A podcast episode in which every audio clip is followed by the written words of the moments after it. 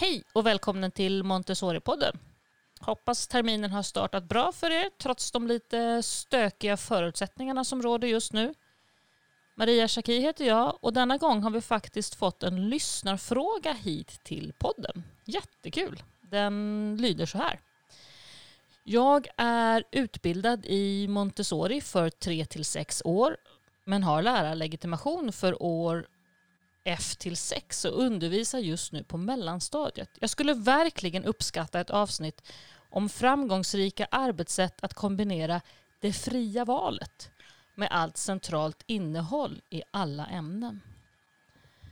För att svara på detta har jag med mig två erfarna Montessori-lärare, rektorer och tillika kollegor i Montessori Sverige. Kajsa och Annette.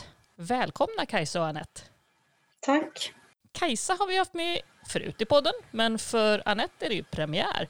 Så jag tänker ni mm. kan eh, kanske göra en liten kort presentation av er själva. Jag tänker du kan börja Kajsa, trots att du har varit med förut. Eh, ja, Kajsa Olsson Falk heter jag. Eh, jag har eh, arbetat med Montessori i 20-25 år. Eh, har Montessoriutbildning för 36, 69, 9 till 12. Jag är grundskollärare och jag driver också Montessori-lärarutbildning i Sverige eh, som heter Waterpark Montessori International. Och nu jobbar jag sedan ett år tillbaka som rektor på Stockholms Montessori-skola, eh, Annie Frank. Ja, Anette då, vem är du? Eh, Anette En heter jag. Jag har eh, arbetat som Montessori-lärare sedan eh, 2000 på olika Montessori-skolor. Jag är matte NO-lärare, eh, har Montessori upp till 12 år. Eh, och sen ett år tillbaka så jobbar jag som rektor för Lingua Montessori i Lund. Och du har ju också hållit på med lite utbildningar och sådär eh, i Norge, eller hur? Ja precis, jag har jobbat som eh, handledare eh, på tre olika Montessori-skolor i Norge, i Löcken och i Storjord och i Skagdalens Montessori-skola mm. där jag handleder eh, lärare för att kunna starta upp och driva sina Montessori-skolor. Och det har jag hållit på med i tio år. Ja, så jag tänker att ni har ju båda två ganska så gedigen erfarenhet av den här typen av frågor så det var därför jag kände att ja, men vi kan nog resonera oss fram till några kloka tankar. Okej, ehm, är ni redo för att börja diskutera vår spännande lyssnarfråga? Absolut. ja, men eh, då kör vi.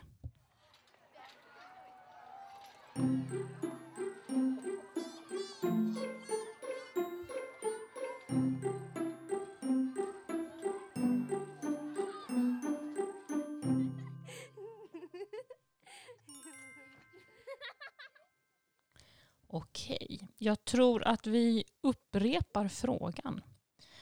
Jag är utbildad i Montessori för 3 till 6 år men har lärarlegitimation för årskurs F till 6 och undervisar just nu på mellanstadiet. Jag skulle verkligen uppskatta ett avsnitt om framgångsrika arbetssätt. Att kombinera det fria valet med allt centralt innehåll i alla ämnen. Stor fråga. Vad, vad tänker ni spontant om detta? Eh, Annette, ska du börja? Ja, det är absolut en stor fråga. Eh, eh, man vet inte riktigt var man ska börja. Eh, kan, om man börjar med den allmänna delen med skolans värdegrund och, och uppdrag och de övergripande målen och riktlinjerna så, så kan jag tycka att där är det mycket som stämmer överens med, med Montessoris tankar, mycket som går hand i hand. Eh, och där känner jag absolut att det är inget som är svårt att följa i den biten överhuvudtaget. Vad är dina kommentarer, spontana tankar, Kajsa? Eh, ja, ja, om jag ska tänka utifrån Montessori så tänker jag direkt på kosmiska planen, mm. eh, kosmisk utbildning, eh, projektarbeten tänker jag på. Eh, att man utgår från stora projekt där man kan eh, väva in många olika ämnen. Eh, sen sådana ämnen som svenska, matematik, alltså de grundläggande ämnena, de måste man ju såklart också jobba med på sidan om. Men eh, eh att inspirera med projekt som lockar eh, ser jag eh, som en stor del. Jag, jag, tänker att det här är en diskussion som man säkert har haft en del i en del arbetslag, framförallt om man i arbetslagen inte alltid har, eh, precis som, som, som vår, vår lyssnare då, som ställer frågan så, så är hon ju visserligen Montessori-pedagog men kanske inte Montessori-utbildad, eller hon är inte Montessori-utbildad för just låg och mellanstadiet utan för förskolan.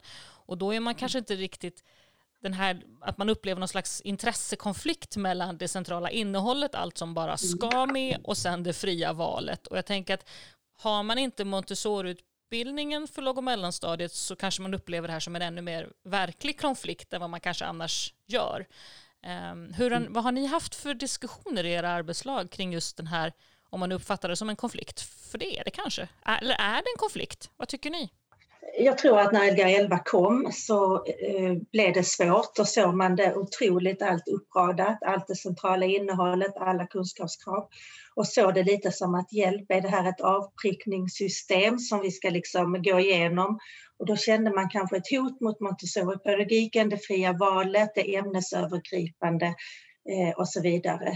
Eh, så där tror jag det blev motsättningar. Sen efterhand så lugnade det sig lite och man började tänka mer, precis som du sa Kajsa, att man måste jobba i, i stora sjok, man måste jobba i teman, man måste integrera ämnen och man måste jobba hela tiden ämnesövergripande. Och precis som Maria sa, grundtankar där, att man kanske utgår från de fem stora lektionerna och bryter in alla ämnena i lektionerna. Så att eh, idag tror jag inte att det är några problem överhuvudtaget att koppla det centrala innehållet och kunskapskraven och jobba montessoriskt. Vad säger du Kajsa? Ja, nej, jag håller helt med. Det, ehm, alltså, självklart så måste vi utgå från läroplanen och centrala innehållet, men det går ju absolut att jobba montessoriskt med det centrala innehållet. Eh, och att ge barnen också mer än det som står. Eh, alltså, och det här handlar ju, som du var inne på Maria, det här med faktiskt utbildning också för skolan. Alltså ska man jobba i skolan så är det ju väldigt bra att skaffa sig utbildning för att få kunskap om materialet. Mm. Eh, för, för det blir ju väldigt svårt att jobba så som det är tänkt med materialet om man inte har kunskap om det. Eh, kan jag känna. Mm. Då blir det nog ganska lätt att man, att man faller tillbaka i traditionell eh, undervisning. Ja, jag kan tänka mig att den fällan alltså det blir, ju, ja, det blir ju ett hinder när man inte vet riktigt vad man ska erbjuda barnen. Ja, för jag kan liksom lite grann sätta mig in i, i, i vår lyssnares situation. Jag är ju själv just Montessori-utbildad för förskolan men inte för grundskolan. Mm. Och, och, då har man ju lite grann en, en bild av det fria valet som att visst så styr vi in barnen lite här och var på det vi tycker är, verkar vettigt för dem för stunden. Men det finns ju liksom inget, inte, jag har åtminstone inte funnits den typen av centralt innehåll där man liksom, okej okay, det här måste vi faktiskt göra innan vissa årskurser, vare sig du vill eller inte. Um, och att man då kanske när man har det mindsetet kring det fria valet så har man lite svårt att tänka, omsätta, okej okay, men hur är det tänkt att det här ska fungera då? När man faktiskt mm. har saker som man måste. Ja, mm. Okej, okay, det här kanske inte är ett avprickningssystem men det faktiskt måste betas av. Det finns liksom inte så mycket mm. att välja på. Hur, hur kan man hjälpa de här som då trots allt saknar det att, att ställa om sitt mindset? Vad finns det för tekniker som de kan använda sig av för att liksom ändå hitta hem i det här. Och inte, för jag tänker att om, precis som du säger Kajsa, att man, om man inte är trygg i det så blir det ju lätt att man då backar och återgår till det traditionella för det är det man kan. Om man nu har en lärarutbildning med sig då som inte är Montessori. Hur kan man liksom, vad finns det för knep för att undvika det? Vad ska man liksom, vilka fällor ska man försöka låta bli att trilla i? Jag tror, precis som i förskolan så tror jag att den förberedda miljön, att det är extremt viktigt i skolan. Mm. Om du som pedagog, eh, lärare, när du kliver in i klassrummet har en förberedd miljö, du vet precis vad eleverna eh, kan välja och vad de ska arbeta med, så tror jag det är otroligt mycket vunnet, även i skolan. Det, det, det tror jag också.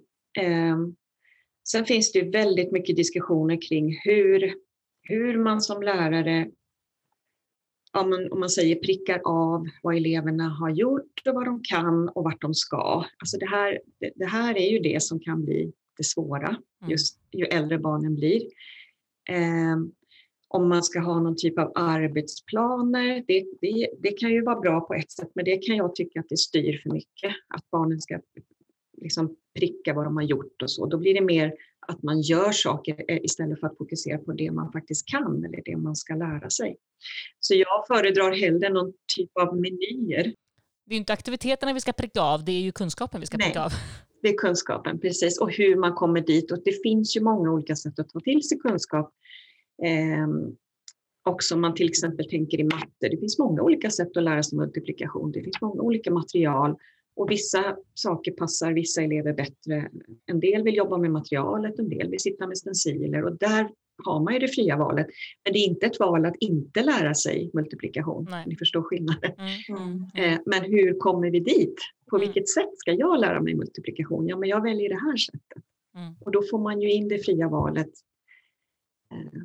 Ja, men det, sen har man alltid barn som ja, tycker det mesta är tråkigt och så. Där, det är ju en nöt att knäcka. Hur, hur inspirerar vi barnen så att man gör skolan så lustfylld som möjligt? Men jag håller med dig Anette, förberedda miljön är, det är A och O faktiskt. För, eh, Hur förbereder man då en, en, en grundskolemiljö om man för, för, för, att främja det fria valet inom ramen för, för läroplaner och centrala innehållet? Har ni några liksom, till oss som inte är lika bevandrade i, i grundskole Montessori, några, några generalknep? När jag jobbade som NO-lärare eh, så hade vi ju olika ämnen som hade vi, vi utgick ifrån de fem stora lektionerna Eh, I de första lektionerna så la vi in all, alla kulturämnena som finns och alla kunskapskraven och allt centralt innehåll och så vidare. Eh, och så delade vi upp det i områden eh, där man kunde arbeta då med exempelvis solsystemets himlakroppar eller globen eller elektricitet och magnetism och så vidare. Och, så vidare. Och, och är allt det här materialet då förberett i klassrummet? Så finns det ju ett, ett val för eleverna att välja, men allt materialet finns där på plats så att säga. Mm. Eh, det ska inte vara så att man tillbringar tid av att gå och leta och att man inte hittar och så vidare, utan ska man jobba med Globen så ska man veta var det materialet finns. Mm. Eh, och det ska finnas så mycket material och på olika sätt att man kan lära sig det så att, så att eh, det blir lätt. Att det är förberett. Mm.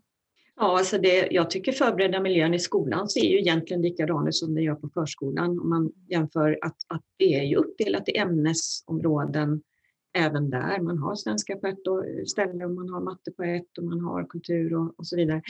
Men eh, också det här med att, att, som du säger, att, att man förbereder materialet. Eh, och då tänker jag, vi är lite inne på samma sak där, just det här kring eh, eh det blir ju lite projektjobb om man utgår mm. från stora lektionerna och sen mm. så, men man kan ju också utgå från, från eh, nyckellektioner sen från de stora lektionerna. Nu eh, så gör vi ett projekt om väder till exempel och där kan man ju få in alla ämnen och det materialet måste vara förberett. Mm. Eh, och precis som du säger finnas någonstans och sen så får man aktivera barnen. Liksom, alla kan inte göra allt samtidigt, det, men de kanske får någon form av meny för det projektet som vi har.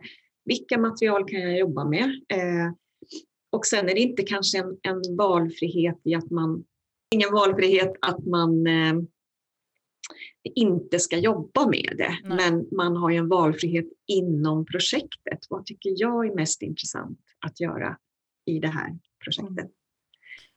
Kan, kan man tänka sig, eh, som du säger, att mycket ju på ett sätt likt förskolan, att man kanske den stora skillnaden är lite grann att man har just faktiskt kunskapskrav att förhålla sig till och att man då ju också har en form av, av enskild planering som ju utgår från att okej, okay, det här är mm. min väg till de här kunskaperna. Mm, precis. Så varje projekt får ju, måste ju innehålla mål som ja. leder framåt. Mm. Eh, och eh, barnen får ju själva utvärdera och vart ska vi och vad, vad är det vi ska lära oss. Mm. Det är ju otroligt viktigt eh, att barnen vet det. Man inte, det. Så att det inte bara blir att man gör saker för görandets skull. Nej. Som man faktiskt gör lite mer på förskolan. Mm. Där gör barn mer i stunden. Men eh, för äldre barn så vill man ju ha ett mål. Vad, vad är det jag ska kunna? Jobbar, man, jobbar man så här eh, i övergripande, ämnesövergripande projekt så tycker jag också att man uppfyller det som Maria Montessori ville, att man, att som man som barn elever i åldersblandade klasser kan jobba delvis efter sin mognadsnivå men även efter sitt intresse ja, eh, eftersom man kan blanda. Så att man kan jobba ihop årskurs fyra, man kan jobba ihop med sexor och så vidare. Och där tror jag är en jättevinst. Och här kan man också se de, de hela arbetspassen, att jobbar man i, man i långa arbetspass, att man har en hel förmiddag på sig, eh, så är det också en vinst när man jobbar på det här sättet, att man har tiden på sig. Vissa är snabba, andra tar mycket längre tid på sig innan man kommer in i den här perioden där man verkligen kan koncentrera och fokusera på det man ska göra. En, en sån oro eller osäkerhet som jag tror kan finnas hos en del då som inte känner sig så, så trygga i det här, det är just det här med förhållandet mellan arbetspass och, och timplan och allt sånt här, hur man, hur man just löser det, att man då kan känna sig lite stressad. Ja, men hur säkerställer jag att eleverna får så mycket svenska som de faktiskt ska ha enligt timplanen om vi har arbetspass? Det kan mm. jag tänka mig en sån här um, klassiskt uh, uh, klurighet också. Hur, hur, har ni, mm. hur tänker ni kring den? För det hänger ju ihop lite grann med det här, tänker jag, att det fria mm. valet, timplanen, mm. arbetspassen, att det är ju, ja. Mm. Den, den jag kan spontant bara tänka så här att sitter du i en klass och har en 40 minuters lektion eh, och har en genomgång om magnetism så, så kanske du som lärare känner att nu har eleverna fått det här. Men där kanske ändå sitter 80 procent av de här eleverna som absolut har haft fokus på vad de ska äta ikväll eller fotbollsmatchen ikväll så att säga. Så att, eh, att det skulle vara en vinst eh, ser jag absolut inte, utan det kan lika bra vara en vinst när eleverna arbetar med det fria valet i ett Montessori-inspirerat klassrum eller ett Montessori-klassrum kanske lika mycket där. Det finns ju elever som, som man tycker som inte gör något, som observerar, som tittar, som, som tar in kunskap och där man plötsligt liksom känner att oj, så mycket hon kan eller han kan. Mm. Jag, jag, tänker också på det här med att, att, barn är olika och barn kan olika mycket saker. Man är bra på olika saker. Eh, man kanske har ganska lätt för svenska just. Man, man skriver och stavar och, och liksom har nått långt där. Men man kanske måste jobba mer inom matematiken till exempel.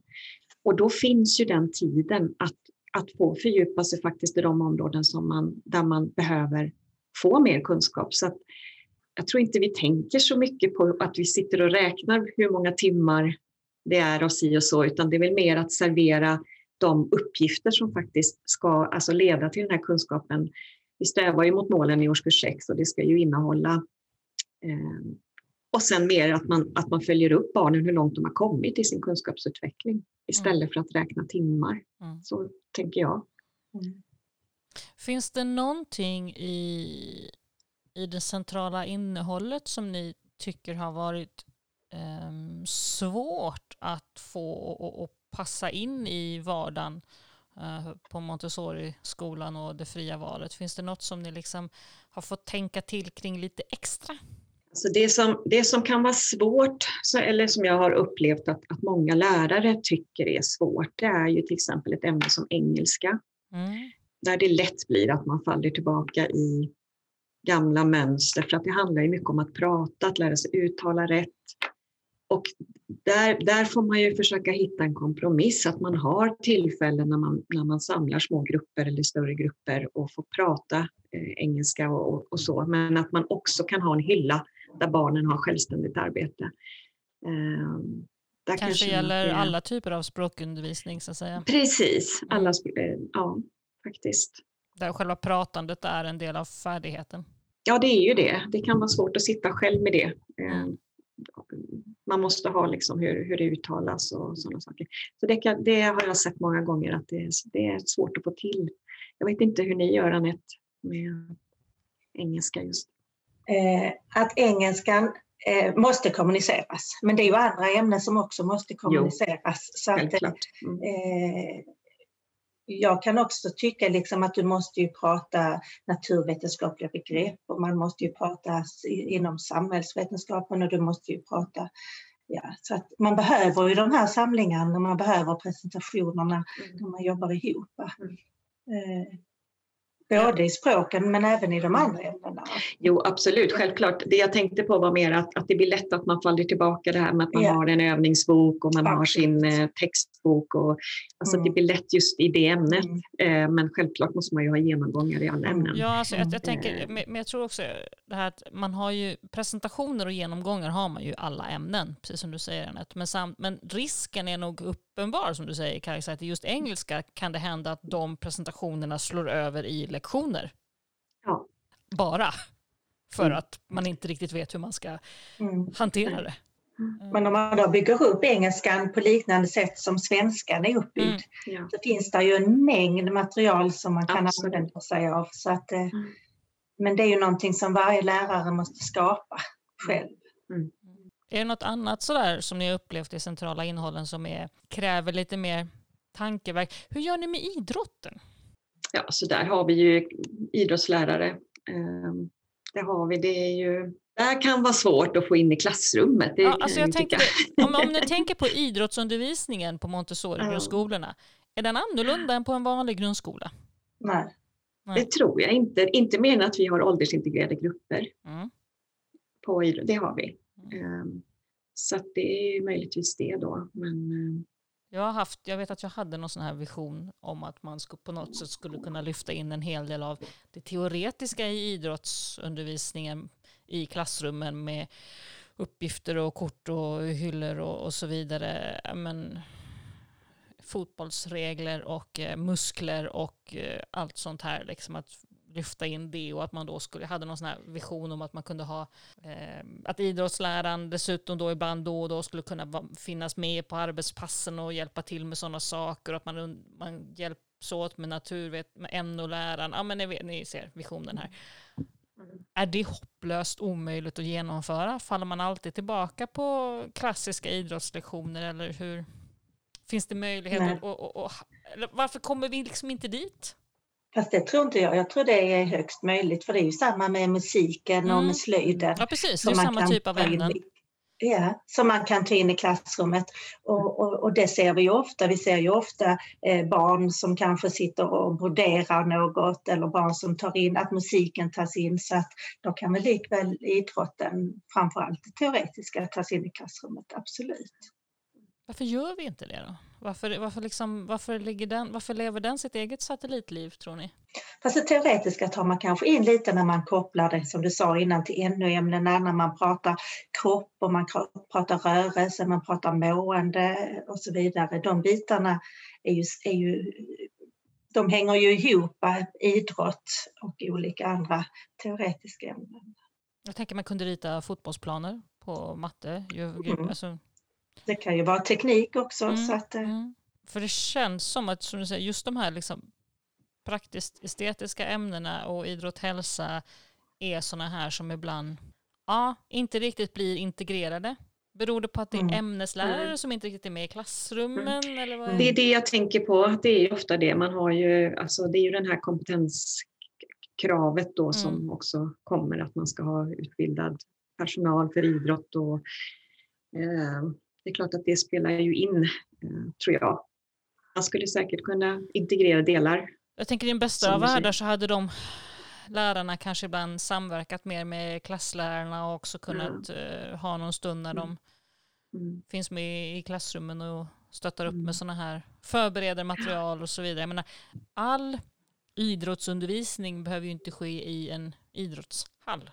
Nej, men jag tror, jag tror också att det här eh, kan vara en känslig fråga för föräldrar. Gud, och alltså, man kan ju inte plocka bort idrotten Nej, eh, efter alla rön, som, utan det, blir ju, det, så, mm. det handlar ju om att röra på sig och, mm. och vara mm. ut, utomhus eller om man är i en hall. Så att jag tror att, att det har, har med det att göra också. Mm. Eh, mm. Men den teoretiska delen, absolut. Självklart kan man ta in den i klassrummet. Ja, men även tänker jag om man, om man på en skola, jag tänker som ni har i Lundanet så har ju ni en, en litet eh, rörelserum i skolan. Man ju också skulle kunna faktiskt ha eh, små uppgifter som man då un, i, inom ramen för det fria valet kan gå ner och göra i mindre mm. grupper. Mm. Precis som man, har, man sätter sig och, och räknar en lång mattekedja i korridoren så skulle man kunna gå ner och, och göra någon motorikövning i, i rörelserummet. Eller, eller tänker jag för idealistiskt nu?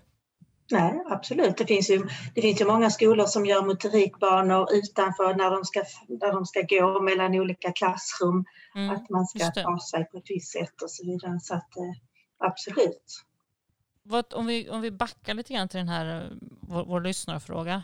Framgångsrika arbetssätt att kombinera det fria valet med allt centralt innehåll. Um, vad, hur tänker ni där? Är, är svaret utbildning och kompetens eller finns det olika sätt att tänka på och göra det? Jag tror absolut att det är utbildning och kompetens. Sen så, sen så måste du jobba ämnesövergripande, du måste jobba i projekt för att annars, så, annars blir det ett avprickningssystem så att mm. säga när man ska jobba med, med eh, kemi och du ska jobba med fysik och så vidare. Du måste jobba tematiskt. Eh, och där går ju kunskapen in, hur man ska få in alla de här olika kunskapskraven. Om det så är samhällskunskap och teknik och historia så kan ju de synka. Eh, så att säga. Och det tror jag absolut är vinsten, att man jobbar exempelvis utifrån de fem stora lektionerna och sen så plockar man in det underifrån. Och de här lärarna då som inte är naturligt av utbildningsskäl eller annat trygga i det här arbetssättet, hur, vad kan de ha för steg på vägen? Vad kan de börja med? Vad kan vara deras första steg? Liksom? Eller låta bli att göra? Låta bli att använda läroböcker. Oh, bra. arbeta, arbeta NOS. Ja läroböckerna är väl det här issuet som man har på många, framförallt på många mellanstadieskolor, mm. att, man, att man vill känna sig trygg i läroböcker. Jag säger inte att man inte ska använda läroböcker, men man ska kanske använda materialet och lägga in läroböckerna efter det, så att säga. Och alla behöver inte ha samma läroböcker, utan man kan ha olika sorters läroböcker. Mm. Där håller jag helt med. Läroböckerna är ju ett komplement snarare än, än det, det är ju materialet som är det man alltid utgår ifrån. Mm. Och sen har man läromedel som komplement. Eh, och absolut i de äldre årskurserna. Att man... Är inte det, med det här med att släppa den sargen som läroböckerna ändå är, någon slags eh, trygghet, eh, är inte det ganska svårt för de lärarna då som inte riktigt eh, har Montessori-kompetensen för just till exempel mellanstadiet? Det låter väldigt läskigt i deras öron kan jag tänka mig. Jo, det är jättesvårt för du måste kunna materialet. Mm. Eh, du måste kunna arbetsgången eh, till 100 procent.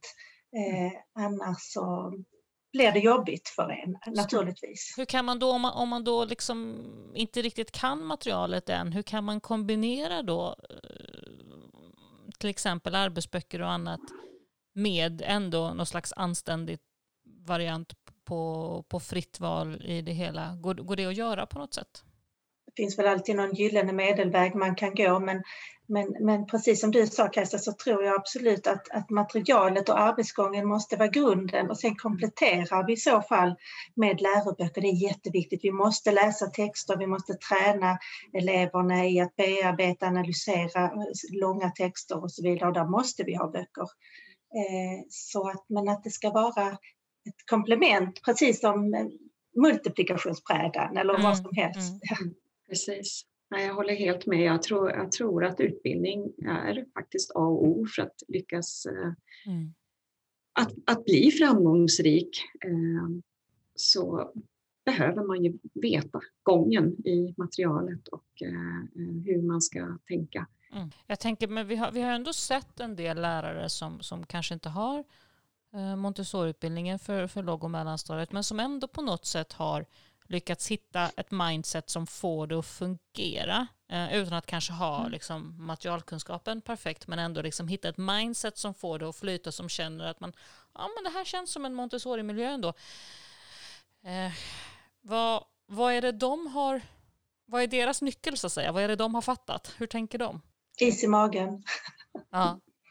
Nej men lite det här kanske att man, att man ska som lärare ha ett lugn Eh, och, och invänta, precis som man gör på förskolan och på lågstadiet hela tiden, att, att eh, fastän, jag inte, fastän de inte gör det just nu så kanske de gör det imorgon eller om en vecka så att säga. Att man, att man, den här tron på barnet och att barnet lär sig faktiskt, men på olika sätt. Precis, vi, vi, måste, vi måste lita på barnen, vi måste lita på att de faktiskt vill lära sig saker. Mm. Alltså att, att, det, att släppa kontrollen lite grann. Mm. Eh, men ändå inte, alltså ändå observera. Man släpper ju man släpper ju inte eh, kontrollen så att barnen gör vad som, vad som helst. Det är inte på det sättet, men du, du måste liksom lita på att men de här barnen de klarar så mycket mer än vad man tror. Eh, det här är ju ett förhållningssätt som, som också är otroligt viktigt. För om du är där och kontrollerar allting hela tiden, vad barnen gör och ska göra, och då, då tappar man det ju fria valet. Då tappar man ju liksom barnens arbetslust. Så, så det är ju en kombo av att, att ha den här förberedda miljön men också kunna hur man ska liksom vara själv i den här miljön. Precis som du sa, Anette. Eh, det, det, det är en eh, otroligt viktig balans.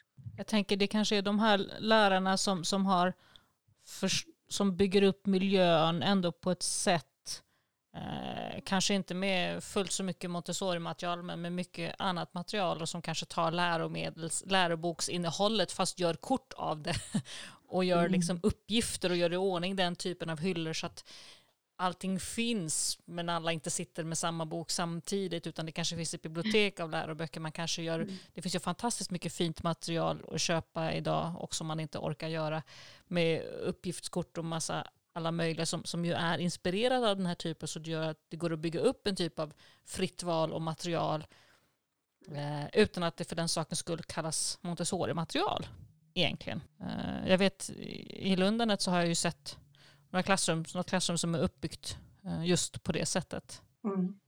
Eh, Absolut. Som ju ändå känns som att de har, man har anammat arbetssättet utan att ändå mm. ha liksom den absoluta känslan utan att kunna liksom räkna eh, multiplikationsbredden egentligen så har man mm. ändå anammat ett sätt att, att förhålla sig till det, det fria valet. Mm. Och det är väl detta som är Montessori, alltså, alltså eh, synsättet, hur man är som lärare och sättet för oss att och se på eleven. Mm. Eller hur?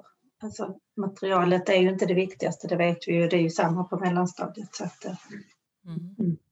Vad är lättast att få in då? Vi pratar om vad som är svårast nu, de här ja, men, engel, språkundervisningen som engelskan och så till exempel, och de här lite mer praktiska estetiska ämnena som är lokaler och ämneslärare gör att det faktiskt är rätt rumsligt och tidsmässigt är lite pyssligt. Men, men vad, har, vad har varit lättast att förhålla sig till eh, i det centrala innehållet? Jag tror att NUSO, alla NUSO-ämnena tangerar eh, Maria Montessoris eh, synsätt på de här olika ämnena. Jag tror att det är klockrent att få in, absolut. Att, ja. att man har exakt samma tankar mm. som hon vill att man, som hon hade då för så många år sedan. Och ännu mer i Lgr 11 än vad det var tidigare, där man pratar, där man har lagt fokus kring människans utveckling, jordens utveckling och så vidare.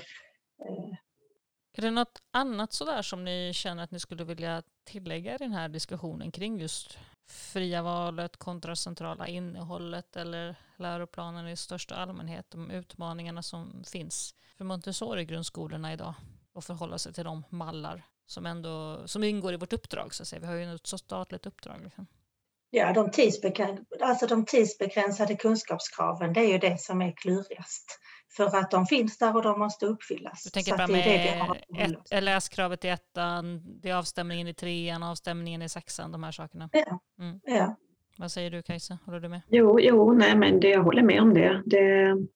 Ja, det är klurigt med, med att det måste ske på en viss, men där tror jag också att man kanske jag tänker på att jag har ju varit med om många treor till exempel som har haft, haft svårt att kanske klara nationella proven just det året. Mm. Men sen kommer de ändå i kapp när de kommer upp i, i fyran, femmar. Alltså barn mognar ju olika och eh, kan lära sig otroligt mycket under ett läsår, som man kanske, men man var inte riktigt där.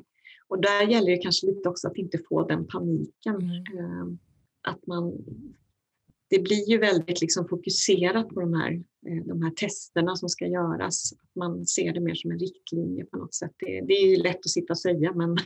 ja men det är ju det, därför att vi har ju trots allt något slags uppdrag och vi, våra framgångar ju mäts ju i resultaten ja. nationella proven och allt sånt här. Och det är det som föräldrarna frågar efter av statistik och så. så det är ju mm.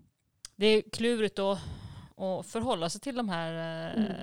Mm. nationella delarna i uppdraget men ändå mm. känna att man kan stå för att man driver en mm. Montessori-verksamhet. Det, det, är inte alltid helt enkelt. Nej. Så, så jag förstår verkligen eh, frågan. Mm.